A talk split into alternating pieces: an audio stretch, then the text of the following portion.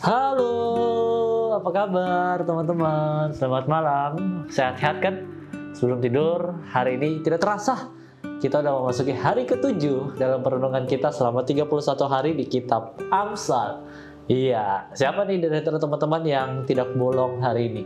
Wih, congrats banget ya. Tidak terasa kan kalau kita jalanin bersama-sama jadi lebih happy gitu, jadi lebih enjoy. Kita menikmati pembacaan kita lewat perenungan kita dengan Alkitab. So teman-teman, hari ini langsung aja kita buka lagi Alkitabnya kita. Wah, udah semangat nih aku nih, karena hari ketujuh kan. Ya, kita konsisten nih. Minggu pertama, minggu kedua, minggu ketiga, dan seterusnya sampai kita selesaiin Amsal. Amsal pasal 7 ayat 1 dan 2. Hai anakku, berpeganglah pada perkataanku dan simpanlah perintahku dalam hatimu. Berpeganglah pada perintahku dan engkau akan hidup simpanlah ajaranku seperti biji matamu. Teman-teman, hari ini gue pengen sharing tentang berpegang sama firman Tuhan, ya kan? Sama perintahnya Tuhan. Di sini dibilang berpeganglah pada perkataanku. Gimana sih kita bisa mendengar suaranya Tuhan? Tuhan kan gak kelihatan. Tuhan itu supranatural, gak kelihatan gitu. Bagaimana caranya kita bisa mendengar? Bagaimana caranya kita bisa melihat Tuhan? Simple kita bisa mendengar dan melihat Tuhan dari sesuatu hal yang nyata. Apa yang nyata? Alkitab.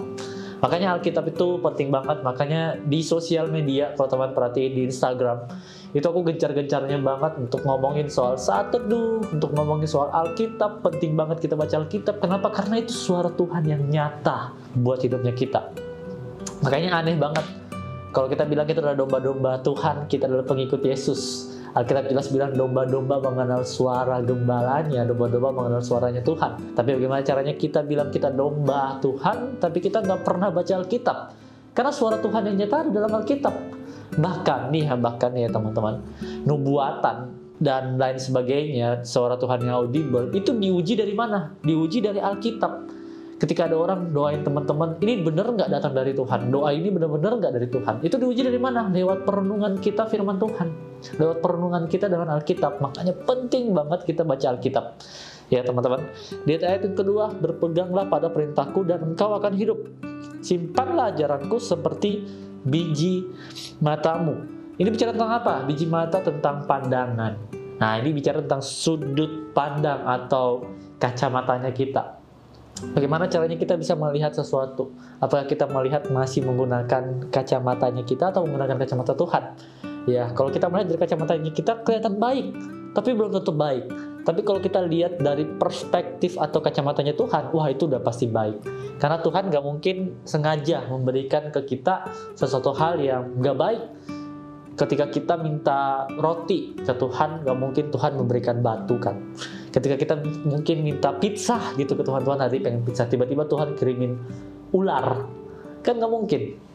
Kayak gitu. Nah teman-teman kalau hari-hari ini kita berdoa ke Tuhan dan masih belum dikabulkan berarti kita harus lihat nih dari sudut pandangnya Tuhan.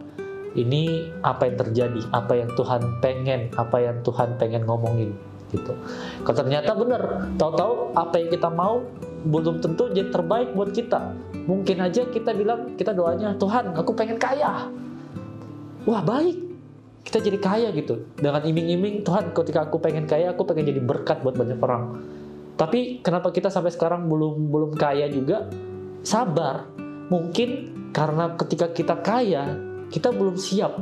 Hati kita belum siap. Jangan-jangan nanti ketika kita kaya, kita bukan jadi berkat, tapi malah ninggalin orang lain. Ya kan teman-teman?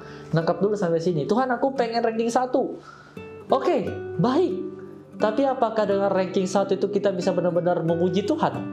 Apakah dengan ranking satu itu jangan sampai ketika kita ranking satu malah kita bukan meninggikan Tuhan, tapi kita yang ditinggikan, kita yang mulai sombong. Nah, teman-teman belajar dari sudut pandangnya Tuhan. Yuk, hari ini kita tutup dengan doa. Tuhan, thank you kalau perenungan malam hari ini mengingatkan kami untuk mengingat uh, dari sudut pandangmu, melihat dari sudut pandang Tuhan, bukan dari sudut pandang kami. Kalau kami lihat dari sudut pandang kami, semuanya kelihatan baik. Tapi kami mau belajar Tuhan, itu belum tentu kelihatan baik buat kami, belum tentu berguna buat kami. Tapi ketika kami melihat dari sudut pandangmu, dari kacamata Tuhan, semua hal pasti baik karena Tuhan menjadikan segala sesuatu indah pada waktunya. Teman-teman, kalau hari ini kalian ya masih berdoa ke Tuhan dan belum dikabulkan, Yuk, kita terus bersabar dan kita belajar mengoreksi, melihat dari sudut pandangnya kita, dari sudut bukan sudut pandangnya kita lagi, tapi kita melihat dari sudut pandang matanya Tuhan. Thank you Tuhan, kami serahkan semuanya ke dalam tanganmu, biar kehendakmu jadi. Dalam namamu, haleluya, amin.